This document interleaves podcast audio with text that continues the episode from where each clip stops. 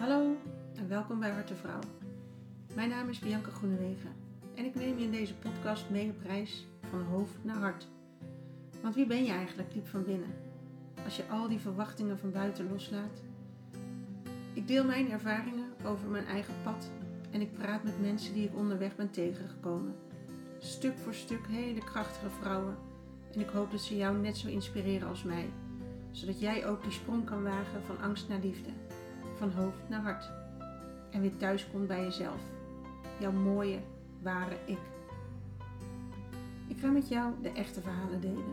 Het succes van deze vrouwen, maar ook de punten waarop ze falikant onderuit gingen. Want dat hebben we allemaal. En hoe meer we delen, hoe meer we helen. Ik laat je ook zien op welke manier je verbinding kan maken. Met die ander, maar zeker met jezelf. Want jij, mooi mens, mag precies zijn zoals je bent. Laat je inspireren en kies je eigen pad. Ik nodig je uit. Ga je mee?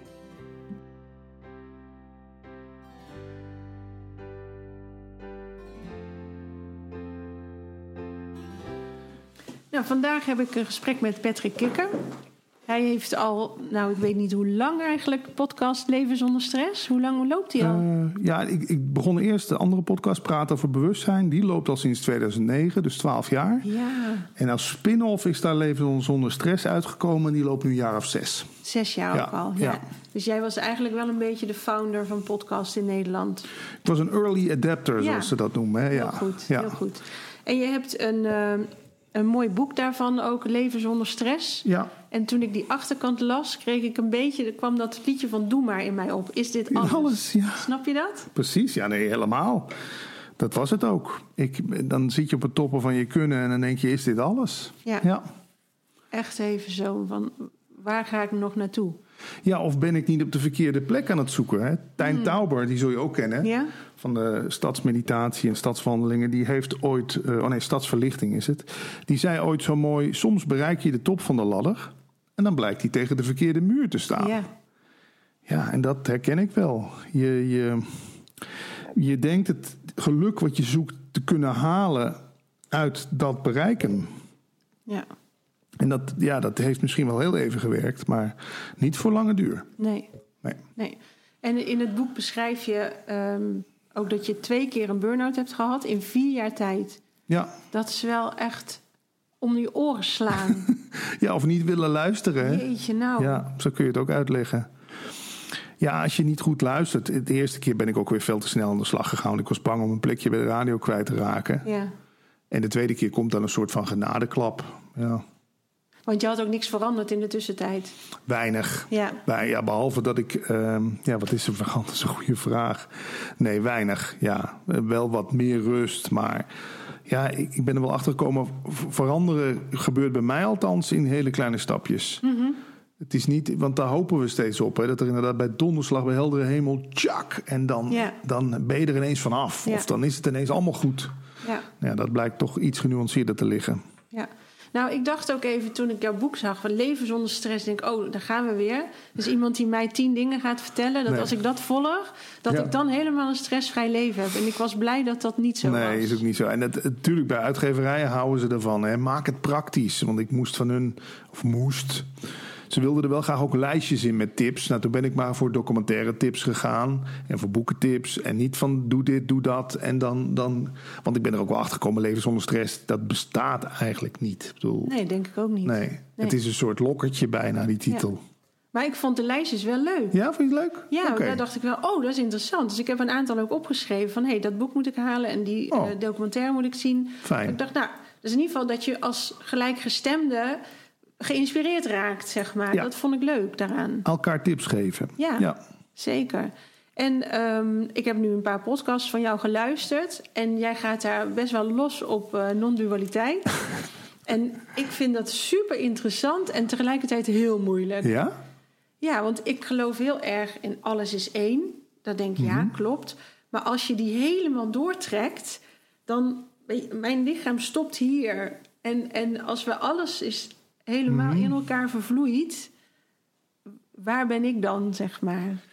Ja, als je wil kan ik er wel kort iets over vertellen. Ja. Het, eh, eh, het is eigenlijk een soort perceptieshift. Dus je kijkt op een andere manier naar het leven en de wereld. Ja. Kijk, het lijkt nu alsof hier eh, eh, Bianca en Patrick zitten aan een tafel in een huis in Vinkenveen. Maar op de een of andere manier is het ook één verschijning. Ja. Nou, er wordt natuurlijk ons heel erg aangeleerd dat wij dit, uh, sec dit zijn. Wij zijn dit lichaam. Daarin woont een persoontje genaamd Patrick. En die moet zich verhouden tot andere personen en tot andere dingen. Nou, wat zegt non-dualiteit? En de oude Indianen zeiden dat trouwens ook al. Jij bent bewustzijn en dit verschijnt in jou. Dus het een, in het ene bewustzijn verschijnt een Bianca, een Patrick, een tafel, een microfoon. En dan kan je zeggen, wat heb ik daar dan nou aan? Nou, als je het als één verschijning kan zien, ben je dus automatisch ook verbonden met alles en iedereen. Want het Ja. is één verschijning in jou. En ik ben erachter gekomen dat, dat me dat een stuk gelukkiger maakt. Want die verbinding lijken wij ook steeds op te zoeken. Jij hebt hem gevonden Ja. bij de Camino, bij dat eh, pad wat je geloopt, eh, meerdere jaren gelopen hebt. Ik kon dat vinden in, als ik bijvoorbeeld muziek draaide in een discotheek. Dan werd het publiek en ik werd één. Ja. Ik kon het vinden in de zaal met een Dat is een cabaretier. soort synergie bedoel je? ja, absoluut. Oh, dit. ja. Dat je dit krijgt. Dat geloof ik. En ja, ik, zoek, ik, zoek, ik ben van de verklaringen. Dus dan ga je op zoek naar een soort verklaring. En dan blijkt er een filosofie te bestaan. Die het dus zegt van ja, maar dat komt omdat, omdat je op dat moment even vergeet dat jij niet alleen in dit, dit lichaam woont. Maar je woont eigenlijk in alles wat je ziet. En eh, op, tot op een niveau van cellen. Als ze, een micros, als ze mijn vinger onder een mi- microscoop leggen, dan zien ze natuurlijk ook allemaal neutronen en pleutronen en weet ik hoe ze dat allemaal noemen, trillen. Dat is net zo goed bij jou. Deze hele verschijning is eigenlijk één trilling, zullen we Ja. maar zeggen. Ja. Dus ik hou wel van die, van die beetje die filosofische wetenschappelijke manier om naar de wereld te kijken. ja, mooi. En dat is voor mij non-dualiteit. Maar ja, noem het, noem het, weet je, je kan het noemen hoe je wil. Weet je, je hebt ook mensen die hebben het dan over eh, kwantumfysica. Daar heb je misschien vast ook wel eens mensen over gehoord. Het gaan natuurkundigen gaan het helemaal onderzoeken. Kijk, het is mij te makkelijk. En ik hou er ook niet van dat me dat zo aangeleerd is om te zeggen dat ik alleen maar voor dit verantwoordelijk ben. Weet je wel? Nee, dat- helemaal eens. Ja. En de rest kan me gestolen worden, Ja. ja. Nee, je bent echt een domino met z'n allen. Ja. Dat als je daar hier het verknalt, dan komt dat daar Ja. weer terug. En ja, daar geloof ik ook wel heilig in. Ja. En jij bent moeder van twee zoons. Je, je kan ook bijna niet volhouden dat. Kijk, tuurlijk lijken zij nu afgescheiden van jou. Maar ze zijn eigenlijk op een bepaald niveau ook gewoon onderdeel van Ja. jou. Ja. Want het is in jou gegroeid, letterlijk. Ze bestaan uit mij. Ja, maar op het moment dat die navelstreng wordt doorgeknipt, dan zeggen we van zo, nu is het een individu. Is mij iets te makkelijk. Ja, ja. ja, dat klopt. Daar ben ik ook wel met je eens. En dat, ja, ik weet niet, ben je bekend met familiesystemen? Opstellingen ken ik wel. Ja, ja, Want daar komt dat natuurlijk ook in terug. ja. Dat eh, je kan wel denken dat je je eigen leven aan het leiden bent, maar je hebt die hele rugzak van jouw familie achterop. absoluut. Absoluut. Dus daar komt eigenlijk dan hier ook weer in terug. Komt- dan snap ik hem misschien beter dan ik dacht. Het is ook iets. Weet je, het valt ook eigenlijk bijna niet. Kijk, jij hebt er feeling voor, want je hebt het al meerdere malen ervaren ook. Die, die, die onafgescheidenheid, zullen we maar zeggen. Ja. Die verbind, we noemen het dan verbinding tussen mensen. Maar eigenlijk ontdek je misschien wel je ware natuur. Op, op, op een ander niveau. Hè? Kijk, als kind, tot een jaar of drie, zie je ook geen verschil tussen jou en de wereld. Je kijkt gewoon, Ja. je ziet een handje, maar je weet nog niet, dat is mijn handje. Nee. Dat wordt ons allemaal aangeleerd. Eerst zegt een kind ook, Pietje heeft honger. Nee, nee, nee, je moet zeggen, ik heb honger. Dat moet echt Ja, aangeleerd kind worden. kent geen ik. Nee. nee, klopt. Dus eigenlijk onze natuurlijke staat. En dat wordt dus in onze tijd beweerd dat wij de rest van ons leven weer op zoek zijn naar die natuurlijke staat van, staat van de eerste drie jaar van ons leven. Ja. Dat we daar zo naar terug verlangen. Omdat die, dat afgescheiden zijn voelt op de een of andere manier ook heel. Uh, Ja, je dat kent? en kil, Ja, ja. En, en alleen en eenzaam en eng. Ja. En dat helpt voor jou om de wereld te begrijpen? Wil je hem begrijpen? Of? Ja, graag. Ik zou, Ja. eh, als ik een foto zie, dan hebben ze weer een computersimulatie gemaakt van de kosmos. Nou, daar leef ik helemaal op. Want het is toch een één mysterie natuurlijk, wat het, wat het allemaal is. Ja, Ja, misschien is het ook wel een beetje arrogant om te denken dat je dit mysterie kan doorgronden. Maar ik, nou ja, het heeft me op zoek zijn, toch? Ja, natuurlijk. Ja, Het heeft me liever gemaakt naar alles en iedereen toe. wat mooi. Denk ik, hoop ik. Omdat je de, het, het verband ziet tussen dingen. Ja, dat je dus gaat zien dat het niet alleen maar om jou draait. Ik bedoel, Ik ben Ja. best wel egoïstisch geworden hoor, in, in die radiocarrière.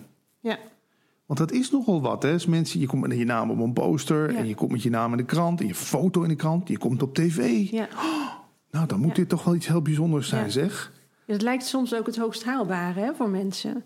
Ja, En dat was het niet. Nou, eh, tijdelijk. Ja, Maar je merkt dat je naar iets heel anders verlangt. Je verlangt niet naar de bijzonderste persoon op aarde te zijn. ja, In- je, ware, je wil gewoon je ware natuur terugvinden.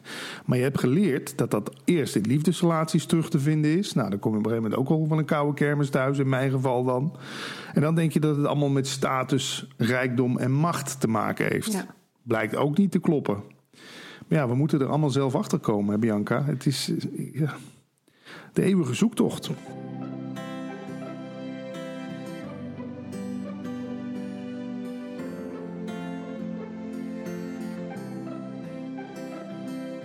Eh, hoe begon jouw zoektocht?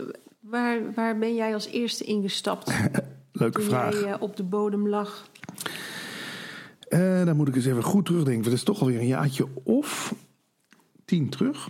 Hè? 2011, eerste burn-out. Eh, nou, van die motivatiegoeroes. Oh ja, Die kent ze wel. Ja. Tony Robbins, ja die. Brian Tracy. Vind je die niet veel te Amerikaans? Ja, maar hij spreekt je ego aan. Hè? Hij zegt eigenlijk gewoon... You can do it. En heb aan iedereen. En je bent de beste. En ja, als dat iemand tegen je zegt... Kijk, ik, eigenlijk werd Tony Robbins een soort surrogaatvader voor mij. Ja. Ik verlangde natuurlijk dat mijn vader tegen me zou zeggen: Je bent de beste op aarde. Nou, Ja, dat kwam niet. Dus dan maar Tony Robbins. En hij vond het wel goed allemaal Ja. wat je deed. ja, hij vond mij fantastisch. Ja, zogenaamd dan, want dat zei hij op een bandje tegen iedereen. Maar ja, het helpt wel even. Maar ja, dat zakte daarna weer als een plumpudding in elkaar. Dat hielp ook niet. Ja, toen kwam ik uiteindelijk bij Eckhart Tolle uit. Alles van Eckhart Tolle gelezen, gezien, dvd's. Ik heb hem ooit mogen interviewen ook, een jaartje of tien geleden. En ja, die man bracht me wel op een plek van binnen waar het altijd stil en rustig was, ondanks de omstandigheden. Dus vroeger, als ik een pukkel op mijn neus had, daar kon ik mijn hele dag door laten vergallen. Hè? Dan was het, ik ga de deur niet uit, laat me met rust, want ik heb een pukkel op mijn neus. Even als, als metafoor voor het leven, zullen we maar zeggen. Hè? Eckhart Tolle bracht jou op een plek van binnen die, die het helemaal niet uitmaakt of je een pukkel op je neus hebt of Nee. niet. Je bent gewoon Ja. het zijn, zullen we het maar even noemen. Hij noemt het zelf presence, aanwezigheid. Ja, dat vond ik wel heel bijzonder, ja. Ja, ja. Ik vind Eckhart Tolle, zijn inhoud, ehm, die, die leef ik helemaal. Daar sta ik 100% achter. Maar ik kan zijn boeken niet lezen. Nee, ik voel me moeilijk, zo ja. dom als ik zijn boeken moet lezen. En ik haat het als ik me dom voel. Oh, Dus dat doe ik dan maar niet. Maar daardoor mis ik wel zijn, zijn diepte, zeg Ja. maar. Want ik, het klopt wat hij zegt. Het, het- ja, boeken zijn ook niet zo heel toegankelijk. Ik deed het ook meer met de dvd's van hem. De Findhorn Retreat, of Findhorn moet je eigenlijk zeggen. Daar is volgens mij nog een dubbel dvd van te bestellen... met Nederlandse ondertitels, kost geen drol op bol. oké. Nou, die zou ik zomaar eens kunnen zou maar- verslinden. Want daarin vertelt hij eigenlijk alles wat hij in zijn boeken zegt... maar dan gewoon op zijn eigen manier, Ja. rustig tempo. En dat heeft wel heel erg veel in beweging gezet, ja. Ja, mooi. Je hebt een hele mooie quote, vind ik, in je boek staan. Oh, Niet weten hoe het verder moet, is misschien wel je grootste medicijn. die was ik alweer vergeten. ik vind dat altijd heel moeilijk, het niet weten. Hè, dat zegt ze, hè, Ja. als je, dat je oké mag zijn met het niet Ja. weten. En dat, voor mij voelt dat bijna als het verlicht zijn. Zeg Ja, maar. ja, ja. Ja, totaal in overgave met Ja. wat is, hè. Controle loslaten. Het is moeilijk, hoor. Ja, Tenminste, voor wie is het moeilijk? Ja, voor, er is, ik weet niet of je het herkent, in ons allen zit een soort systeem dat zich probeert te weren voor pijn en probeert plezier te vergaren. En we noemen dat ook wel met een chic woord ego. En vroeger hadden we dat verdedigingsmechanisme ook echt nodig, want jij kon potentieel, want er was schaarste, dus jij kon potentieel iets van mij afpakken. Jij kon van een ander dorp zijn en mij willen vermoorden. Jij kon van alles. Weet je, er kon daar een tijger op me afkomen. We moesten ons ook de hele dag was een gevaar. We moesten ons verdedigen. Maar we leven natuurlijk nu in een tijd van overvloed. We hoeven ons helemaal niet meer te verdedigen tegen elkaar. Nee. En, en misschien is dat ook wel wat jij ervaren hebt op dat, op dat pad. Santiago de Compostela, zeg Ja. ik dat goed zo? Ja, ik heb goed onthouden. Dat je, dat je dus helemaal niet bang hoeft te zijn. En ja, dat is voor mij wel, wel het, het niet weten. Wij staan volgens mij. Want wa- waarom wil je zo graag weten? Omdat je. Ja, je wil je indekken. Ik kijk op de weer-app dat ik weet als ik straks met de fiets naar de Albert Heijn ga, dat ik, dat ik niet nat Ja. geregend word. terwijl hoe cares? Maakt het ook allemaal uit. Maar Ja. zo zie je hoe dat mechanisme toch doorspeelt. Ik heb begrepen, je kan je zelfs als je een huisje boekt bij Centerparks, kan je een goed weerverzekering afsluiten. Maar dan zijn we wel een beetje klaar, hè? toch? Dat is toch niet normaal dat dat kan? En dat we daar dus ook in meegaan. Ja. Ja, dat Schijnzekerheden zijn het. Want jij weet Ja. ook, jouw hart kan er nu mee stoppen. Ja. Mijn hart ook. Ja. En we denken dat we hier voor honderden jaren zijn. Eén op de vier mensen haalt de 65 niet. Ja. Dus, maar dat zijn de statistieken die we allemaal liever niet. Ik bedoel, dat is ook waarom we volgens mij eh, begraafplaatsen en zo zijn allemaal weg, ver, niet te zien. Achter een muur. Achter een muur. Want de dood, nee, daar moeten we niet mee bezig zijn, Nee. de dood hoor. Ja. Leven. Ja. Nou, dat vind ik ook wel moeilijk, ook in deze tijd. Die maakbaarheid. Ehm, we mogen niet meer doodgaan. Hè? ja, Ja. ik begrijp dat niet zo goed, want dat is het enige wat we weten. Het hoort gewoon erbij en je hebt er Ja. ook recht op. Ja, ja absoluut. En we, we weten niet wat het. Kijk, als ik het even terugbreng naar non-dualiteit. Er zijn zelfs stromingen binnen de non-dualiteit. die zeggen dat je eigenlijk nog nooit geboren bent. Ja, Dus doodgaan bestaat niet. Het is maar een verhaal wat we onszelf vertellen. een overgang. En ja, nou, wat jij bent is gewoon het algehele bewustzijn. Ja. Dat kan niet weg. En dat het zich nu even tijdelijk huist in Bianca Ja. en in Patrick. En daarna schiet het in een andere vorm terug. Het, het zit in alle vormen wat leeft. Dus, en zelfs in, in wat niet lijkt te leven. Dit heeft natuurlijk uiteindelijk ook ooit geleefd. Hè. Ja. het is hout. Het, is, Ja. het is gegroeid dit. Hè. Ja. Maar dat, dat, dat houden we ons allemaal maar... Ja, dat houden we maar buiten de deur. Weet je. Het moet overzichtelijk blijven. Nou ja, oké. Mogen we niet naar kijken. Nee, liever niet, nee. Nee. En maar als je het dan over stress hebt, leven zonder stress is voor mij wel daar eens een beetje mee durven te spelen. Want het is niet bijvoorbeeld iedere angst terug te brengen naar angst voor de dood. Absoluut. Ja, weet ik zeker. Ja. En dat vermomt zich in honderden dingen. Ja. Heel Nou, verwrongen komt ja. het naar buiten. En uiteindelijk, als je hem helemaal afpelt, dan is het gewoon bang om dood te gaan. Ja, bang om er niet meer te zijn, bang om niet te bestaan. Ja. Eh, en, eh, want ik, ik had op een gegeven moment ook dat ik van mijn vader geleerd... als een cashier geen goeiemorgen tegen je zei... dan voelde ik me meteen in mijn eer en glorie aangetast. Dan werd ik boos. Maar uiteindelijk, als je dat helemaal terugvoert... is er in jou een hele diepe angst dat, dat, dat, dat, dat jij niet bestaat... dat je niet gezien wordt, weet ik wat er allemaal onder kan zitten. En dat wordt op dat moment door die cashier een soort van aangeraakt... Ja. In plaats van dat je eigenlijk tegen zo'n cashier zegt: Dank je wel Ja. dat je dit nu even bij me omhoog brengt. Nee, dan gaan we zitten schelden. hey, eh, ben ik geen goede morgen meer waard? Ja. Of hoe zit dat hier? Ja, boem, Ja, conflict. Ja.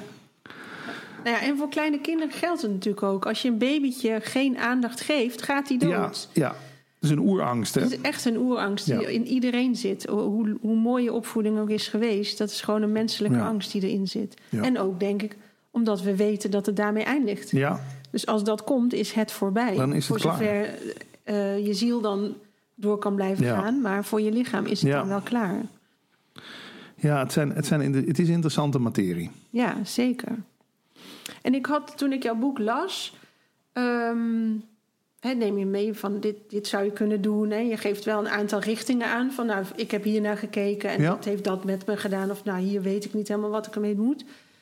En ik merkte toch ook nog wel dat er een stukje boosheid of zo ergens Ja? in zat. Herken je dat? Frustratie? ja, zou kunnen.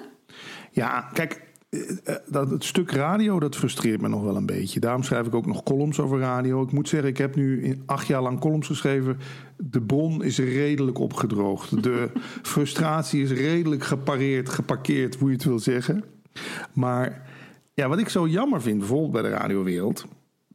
je kan je daar zelf echt stukken beter in maken... door allerlei kennis tot je te nemen.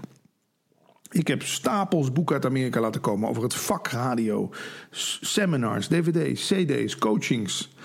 En om me heen zag ik allemaal mensen die het allemaal een beetje op zijn boerenfluitjes deden. Zo van, nou ja, radio is geen vak. Dat is iets uit de hand gelopen hobby. Ja. Dat doe je maar een beetje op gevoel. En tuurlijk, dat is het ook voor 50%. Maar die andere 50% is voor mij gewoon pure kennis. Ja. Je kan je in het radiovak beter maken. En ik ben er op een gegeven moment ook een beetje uitgestapt. En ik dacht, ja, ik ben een soort roepende in de woestijn hier. Ik kan wel roepen van, joh, dit boek is fantastisch. Maar niemand, mensen lachten me bijna uit. Ach, radio leer je niet uit een boekje. Dit is Amerika, daar gaan ze heel anders met de radio om. En dat heeft me wel, ja, dat heeft me echt teleur. Misschien is dat wel wat je leest, teleurstelling. Dat ik, en dat is misschien wel, dat zegt ik ook iets over mij, dat ik de lat natuurlijk enorm hoog leg. Maar ja, ik, ik vind het jammer dat het met, met. Want ik zie radio echt als een kunstvorm. Als je, het, je kan je echt heel veel uithalen. En als dat dan om je heen niet, of niet zoveel gebeurt. en iedereen het maar jarenlang op dezelfde manier blijft doen. nou, dan, dan, dan. Ik ben er echt een soort van. Ja, teleurgesteld weggegaan wel. Ja. Het is wel, ik vind dat wel verdrietig, want je hebt je toch vanaf je vijftiende tot je zes, nee, nee, dan moet ik niet liegen, 15 tot je 41ste, 42ste heb je er echt keihard voor ingezet. En dan bereik je het hoogst haalbare. En dan, dan blijkt daar, ja, op de een of andere manier ook niet het, blijkt dat het ook niet het verschil gemaakt te kunnen hebben of zo. Maar het, het verbaast me dat je dan daar, zeg maar, buiten jezelf neerlegt. Ja, en niet bij mezelf hou. Ja, want jij ontdekte dat het dus niet paste, jouw manier.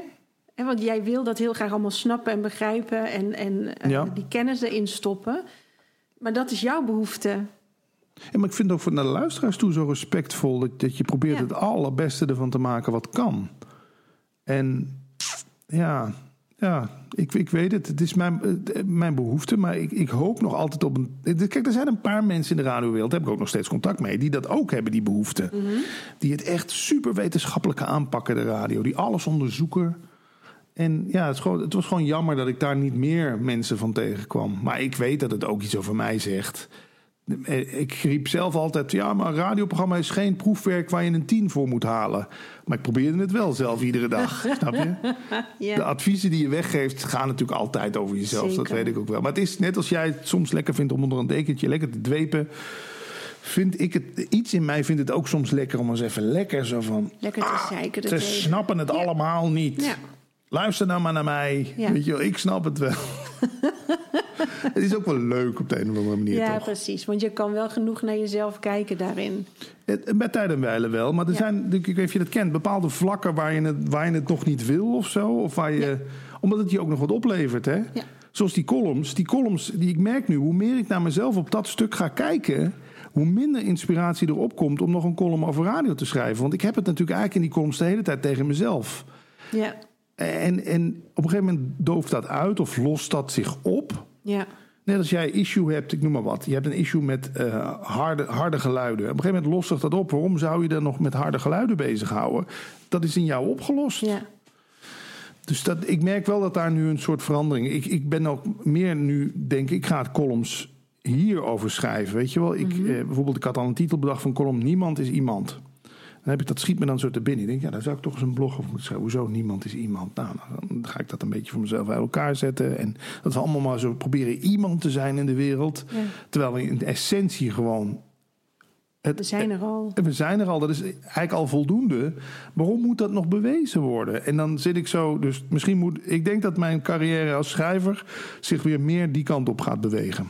Dat Voel, is wel een mooie ontwikkeling. ja, dat voel ik. Dus misschien is het ook wel dat je die columns gebruikt hebt om nog die frustratie of boosheid eruit te gooien. En dat Absoluut. dat nu eigenlijk minder wordt Ja. doordat het eruit is. Ja. En dat je daardoor merkt dat je inspiratie ook opraakt. Want waar moet je dan boos over zijn? absoluut. Het Oh, is goed. therapeutisch voor me. Ja. En ik zou ook tegen iedereen willen zeggen: als je met iets worstelt, zet het in de vorm. Ja. Want de mooiste kunst. Kijk, nou, ik kan niet zeggen dat dit zo'n heel mooi schilderij is, maar dit is ergens doorgekomen. En dat liedje wat iemand geschreven heeft, I Want to Break Free van Queen, dat is ook uiteindelijk vanuit een soort iets, een pijn, een Ja. verdriet, een frustratie, de mooiste kunst. Ja. En op een gegeven moment droogt die bron op. Ja. Ja, dan is dat maar zo. Ik ga het echt niet te zitten forceren, want bij de radio was het op een gegeven moment ook opgedroogd. Ja. Nou, mooie, mooie ontdekking zo samen. ja.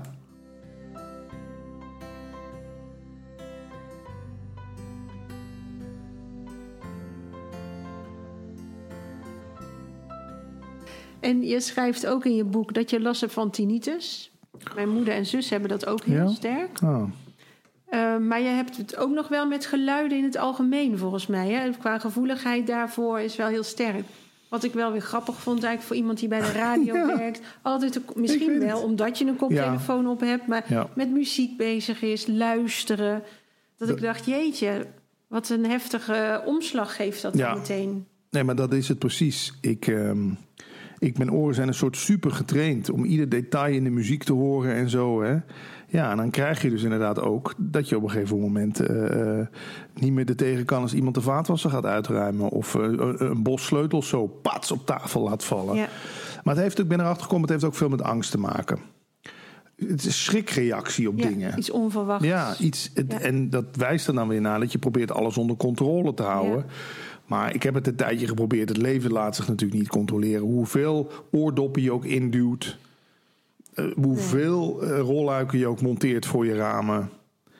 En zelfs iemand die vrijstaand ergens woont op een hutje op de hei. In een hutje op de hei. Die, die, daar, daar komen nog mieren de kamer in. Ik noem maar Ja. wat geks. Dat, is, dat, dat valt niet. Het leven laat zich niet controleren in die vorm. Nee. Nee, dat is echt de illusie waar wij mee leven, hè? Ja, dat het leven inderdaad maakbaar en controleerbaar is. Maar het maakt ons geen leukere mensen. Nee. Want, want dan ben ik bij het minste vriend. Ach, is die buurman nou weer aan het timmeren? Weet je wel? Dat horen wij nu, hè? Ja. Timmerende buurman. Wauw, dat zou niet mogen. hè? Maar waar staat dat geschreven dat hij niet mag timmeren? Ja. Ja. ja. Hij verpest onze opname. ja. Leuk, hè? Ehm, je hebt Eckhart Tolle een keer in je uitzending gehad. Ja, die heb ik ge- mogen interviewen, ja. Staat helaas niet meer op YouTube. Moest na tien jaar moest het er ineens af. Oh. Maar goed. Maar hij is wel een soort held voor jou. Ja, was die. Ik vind ook. ik- Ik ben met goeroes, om ze maar even zo te noemen. hè, Ik volg ze een tijdje, maar dan. Ik heb dat ook eens een keer gelezen. Ga de postbode niet vereren voor de liefdesbrief die die kon brengen. Dat is mooi gezegd, hè? Ja. Die goeroes die wijzen naar iets, maar ga niet het poppetje zitten te vereren alsof het de god op aarde is. Dus ik, ik ben daar heel voorzichtig in. Ehm, ik, ik, ik volg iemand een tijdje en dan op een gegeven moment ook weer zo de volgende of zo. Maar jij kan me, ik bedoel, ik ben er wel achter. Jij kan me net zo goed inspireren dan, dan, dan, dan laten we zeggen, Byron Katie of Brené Brown. Het is dat die mensen een enorm podium krijgen, maar Ja. de grootte van het podium zegt niks over wat ze te vertellen hebben natuurlijk. Nee, het zit hem soms juist in hele kleine boodschapjes Ja. die zo mooi zijn. Hè? Want ik weet dat ik...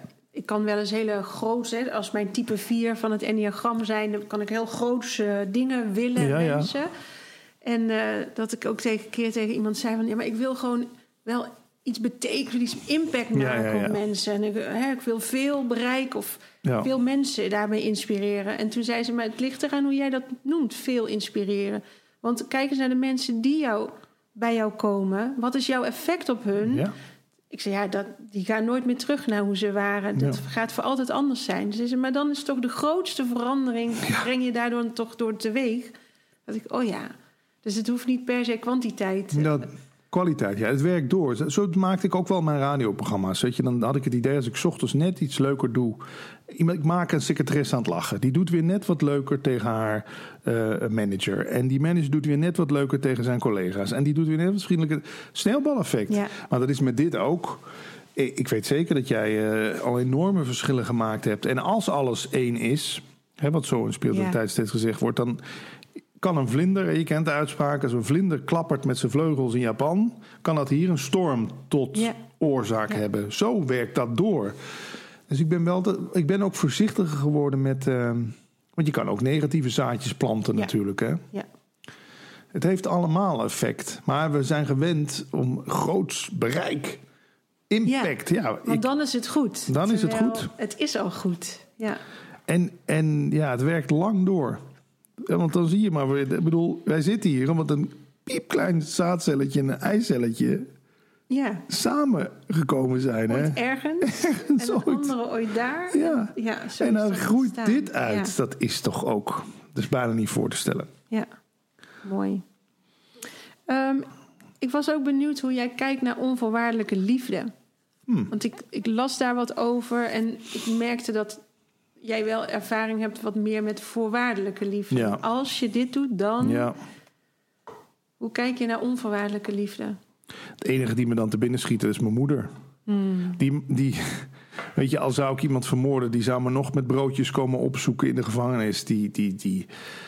En daar, ben ik, daar heb ik wel van geleerd. Wij kijken altijd naar. eh, als iemand iets gedaan heeft, wordt de hele mens veroordeeld. En niet de daad Ja. op de eerste plaats. Oh, dat is een klootzak. Hoezo dan? Ja, die heeft, die heeft een man aangereden. Oh, dat maakt hem dan meteen, eh, ja. Ja. meteen als slecht mens. De daad keuren we af. En daarom, als je met compassie ook wel een mens in de gevangenis kunt kijken. En, en bedoel, ik geloof, eh, wat jij ook volgens mij in een van je podcasts zei. of net in dat andere gesprek wat we opgenomen hebben voor Leven zonder stress. Niemand wil een slecht mens zijn. Geen kind Nee. wil een slecht kind zijn. Dat, Absoluut niet. dat, dat komt ergens vandaan. En daarom vind ik, heb je de film Joker gezien? Nee. Prachtige film. Over, eh, ja, oh, da- daarin zie je ook hoe die man zo wordt. Hoe wordt die man zo gewetenloos? Helemaal terug naar zijn jeugd. Dat hij door zijn vader aan de verwarming vast werd gebonden en geslagen. En ik, de- daarom in, ik kijk zo'n 500 documentaires per jaar. Puur ook op steeds. Dan zie je weer oorzaak-gevolg. Oorzaak, hoe zei je dat eh, jij alweer? Gedrag is logisch. Altijd logisch. Altijd logisch, ja. Ja.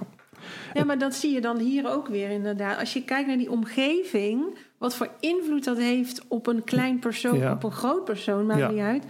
Dan kan je niet die persoon alleen maar aanspreken. Ik, ik begreep Trump nooit zo goed.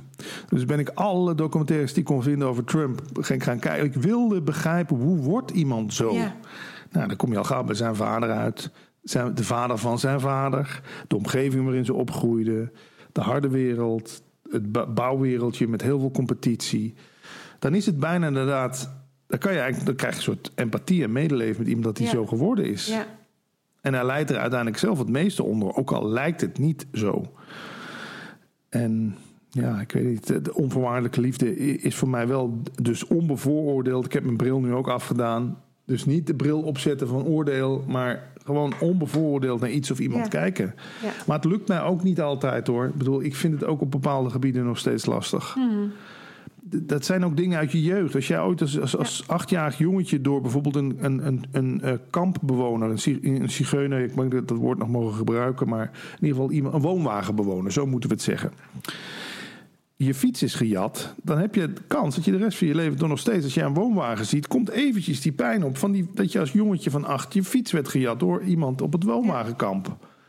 Maar ja, daar kan je twee dingen doen. Of daarnaar kijken en dat dan, zoals jij dat mooi noemt, transformeren. Of, of maar de rest van je leven een hekel aan woonwagenbewoners blijven houden. Ja, waar is de wereld of jou het meest mee gediend? Ja. Ja. Maar het is niet- altijd even makkelijk hoor. Ik bedoel, ik, je, het- ja, misschien moet ik dan ook wel nog eens voor stukken in mezelf die wandeling gaan maken die jij ook gemaakt hebt. Want, maar goed, er zijn natuurlijk meer wegen naar Rome. ja, zeker. Je hoeft Toch? helemaal niet te wandelen. Maar Nee. ik kan het alleen maar iedereen aanraden die het wel zegt van... oh, dat lijkt me zo leuk. Dan denk ik gaan. Dan moet je ook gewoon gaan. Ja, En niet eh, je verschuilen achter... ja, maar ik moet nog eerst oefenen en dit en dat. Je hoeft helemaal niet te oefenen. Je loopt daar in de bergen. Dat kan hier helemaal niet. ja. Je loopt daar tien dagen achter elkaar. Dat doe je hier ook nooit. Dus Ja. gewoon Gaan. vertrekken. Ja. Ja. Alle excuses aan de kant. eh. ja, genoeg zetten. fetus. Ja, dat denk ik wel. ja.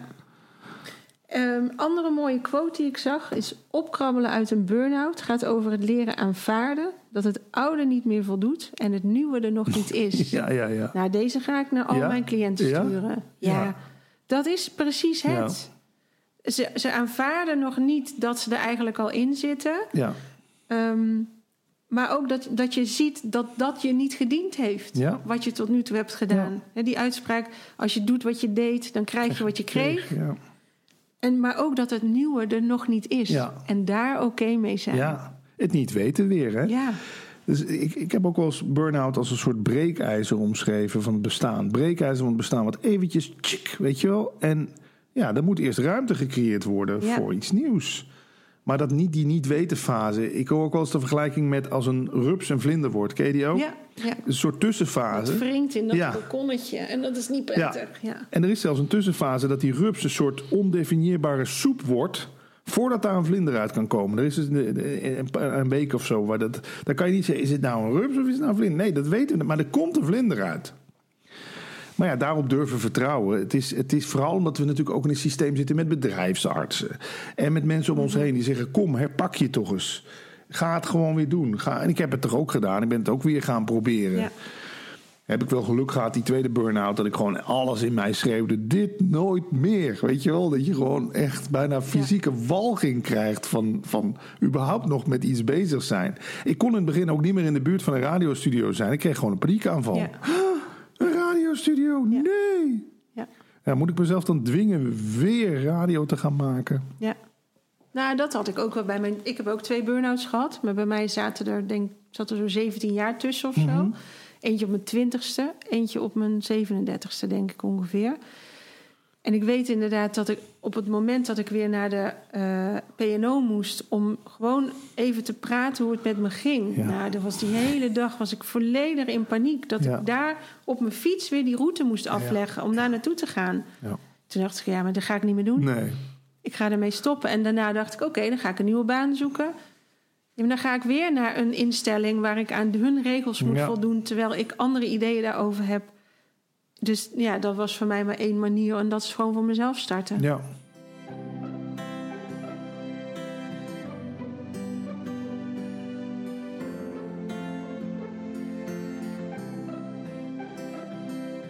Nee, daar kom je dan op een gegeven moment ook wel achter. Want uiteindelijk, als je zo gevoelig bent zoals jij en ik... In een gevo- ik, had, ik zei op een gegeven moment ook bij het bedrijf waar ik werkte... mijn laatste burn-out kwam ook een beetje... en ik wil aan niemand de schuld geven... maar het werd ook een beetje geïnitieerd door de fusie. We werden overgenomen door John de Mol. En op een gegeven moment zei ik ook tegen een, eh, een HR-manager daar... ik zeg, de angst zit in de muren Ja. hier. Je voelt gewoon het hele wezen genaamd het bedrijf... Ja. dat is bang geworden, want we worden overgenomen. En toen was er ook nog zo'n manager zo slim om te zeggen van... nou, we moeten dus binnenkort allemaal om onze eigen functie gaan solliciteren. Ik ook. Oeh, dan voelde je nog... Ja, en jij pakt alles op. dat is op. natuurlijk super onveilig. En ik moest in die situatie ook nog eens creatief zijn. Dus probeer maar eens in een angstige situatie creatief Ja, te zijn. nou, dat gaat nee, ik ging niet. mis. Ik ging op safe spelen. Ik ging alles van tevoren opnemen. Ik zat als een soort toeschouwer bij mijn eigen radioprogramma... alleen maar in de gaten houden of er niks misging. Gaat het goed? Ja, gaat het goed? Oh, Omdat- ik voel helemaal... Ja, je voelt hem, hè? Ja. Ja. Oh, vreselijk. En dan, maar dan is het toch het erge dat dat allemaal maar een beetje... Er wordt niet gedacht, nou, het bedrijf is een organisch iets. Ik kwam met een mooi voorbeeld daar ook. Moesten ze allemaal om lachen, maar ik denk dat jij hem wel begrijpt. Ik zeg, ik voel me hier een beetje zo'n zo'n zo'n kanarie... die vroeger in de mijnen los werd gelaten... Ja. om te kijken of er geen gas ontsnapt was. En als dat kanariepietje vroeger neerviel... dan wisten die mijnwerkers, die moeten we wegwezen... want hier is gas. Ik zeg, ik ben hier gewoon aan het omvallen. Is dit voor jullie geen signaal dat er hier heel veel onrust in dit bedrijf... Nee, dat zit allemaal tussen je Ja. oren... en dat voel, je, dat voel jij alleen maar zo, ja. Ja. Dank je de koekoek. Ik, ben, ik was de eerste die omviel. En na mij zijn er nog vele omgevallen Ja. en weggegaan en ontslagen. En weet ik wat er allemaal gebeurd is. Ja. Toen zei nog een manager tegen mij een paar jaar later... Ja, jij die timing van jou was wel perfect. Hè? Je was net op het goede moment was je, was je weg, zegt hij. Nou, zegt heb hij jij maar. dat ervoor Ja, heb ik dat? Nee, ik, sta, ik wist... Ja, ik kon niet anders. Nee. Leuk, hè? Ja. Jeetje, ja joh. Dat zijn, maar het zijn ook wel weer, toch, als je er kijkt, als je het leven als film ziet, wat in normaliteit ook vaak gezegd wordt, is het tot dusver best een interessante film geweest. Ja. Jouw leven ook. Ja. En dat heb ik wel geleerd van Paul Smit, ook eh, een man waar ik dus die andere podcast praat over bewustzijn mee doe. Die zegt, je moet een beetje uitzoomen. Ja. Kijk eens een beetje naar je leven als ware het een film. Nou, dan is het tot dusver toch aardig wat leuks. En ook minder leuks. Maar goed, dat hoort bij een film. Het is niet, dit is niet alleen maar één ding.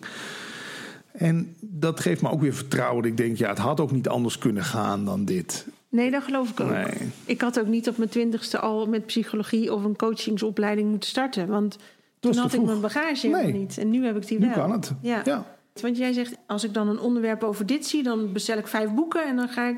Waar komt die eagerness voor kennis vandaan bij jou? Ja, het is een soort natuurlijke nieuwsgierigheid ehm, die ik in me heb.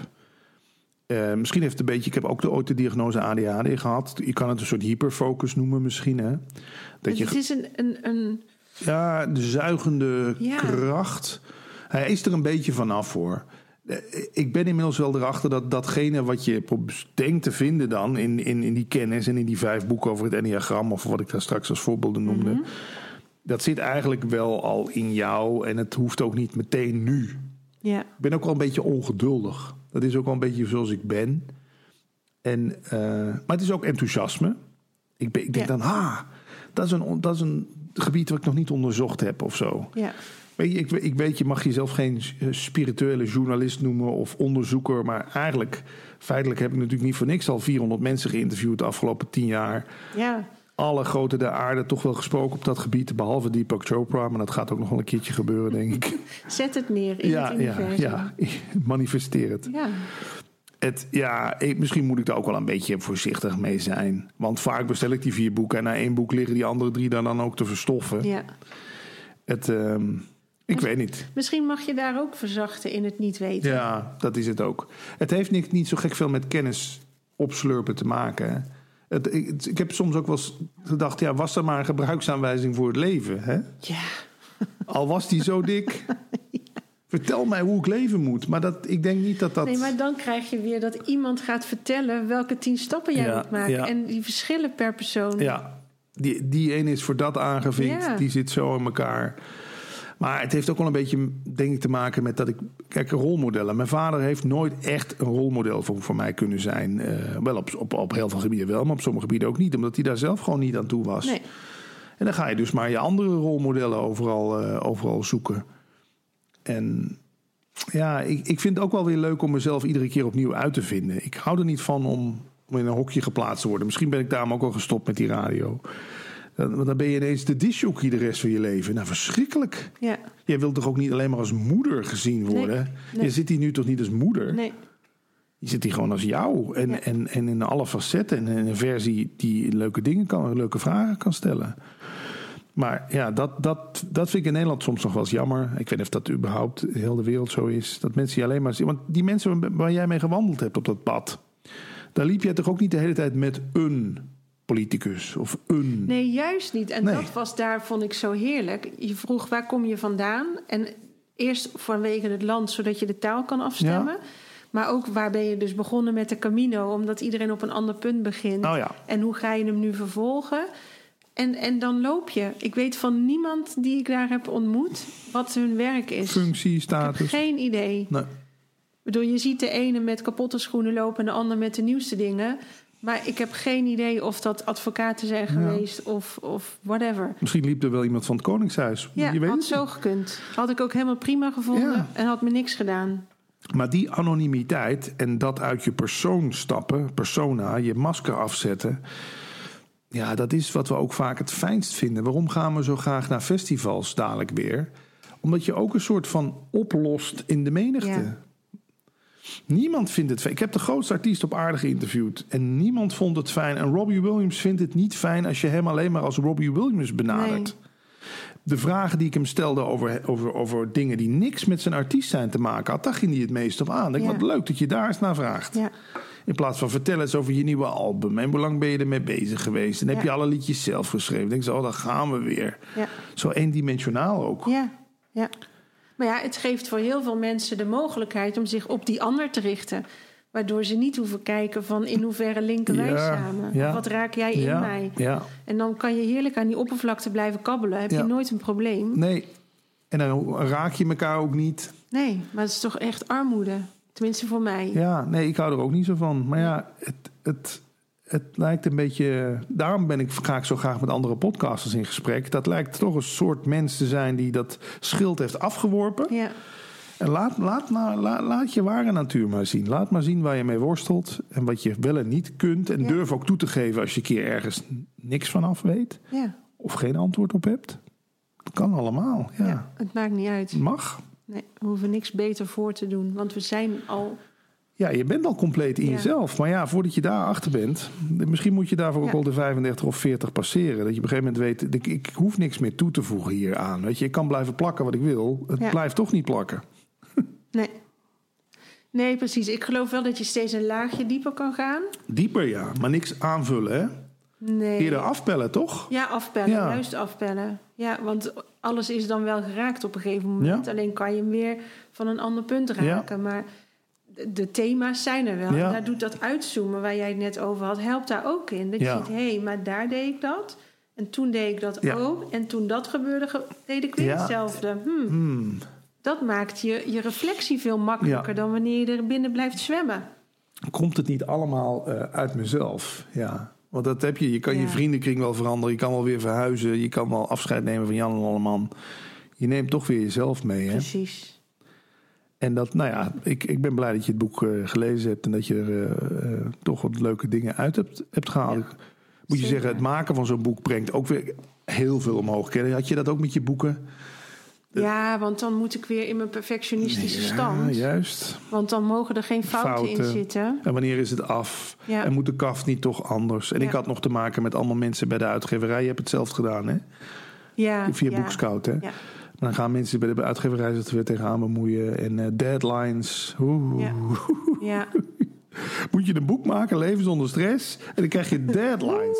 Ja, wat nu? Volgens mij heb ik dat ook nog geschreven in het voorwoord. Ja. Dat het, ja, dat het weer van alles omhoog bracht. Maar als je het naar burn-out toespitst, zou ik nog willen zeggen... mijn boek is bedoeld als geruststelling voor mensen. Ja. Want het eerste wat je doet als je in een burn-out zit... ik weet niet of je het herkent... dat je jezelf ook nog enorm gaat beschuldigen. Alleen maar. Oh, nu hebben we het voor elkaar. Nu zitten we hier. Ja. Alles gaat naar de, naar de, naar de Filistijnen. En allemaal mijn schuld. Wat loop je nou te zeuren? Je hebt toch een goede baan en je hebt die kinderen en alles gaat goed. Hoezo? Ja. Ja. Maar een vriend van mij zei toen ik vertelde dat ik met jou in contact kwam. ehm, hij zat een paar jaar geleden heel slecht en hij heeft heel veel gehad aan jouw podcast van Ja? eh, Leven zonder stress. Dus hij heeft dat ook wel zo genomen, zeg maar. Oh, fijn. Ja, dat vond ik ook heel fijn om te horen. De- misschien is dat ook nog wel de bedoeling van mijn podcast. Ik de mensen, eh, mensen en dus mezelf ook. Want ik vind als je zegt mensen, heb je het eigenlijk ook over jezelf. Hè? Alles wat Ja. je zegt gaat Ja. over jezelf. Maar vooral, ja, dus inderdaad, het is op de eerste plaats zijn die podcasts voor mij een geruststelling.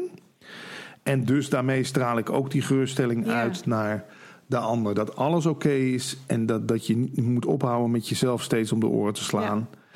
En het, is, het houdt mij ook gezond. Want ja, ik weet, als je gewoon naar de normale media kijkt in de tv, gaat het toch heel vaak over de schuldvraag. Ja. Hè, eh, En iedereen, die minister heeft dat gezegd en die kunnen we op Ja. een woordje pakken. En oh, hij heeft vroeger een gift aangenomen van die. Ja. Boe, slecht, slecht. Altijd verdeling, verdeling, verdeling. Ja.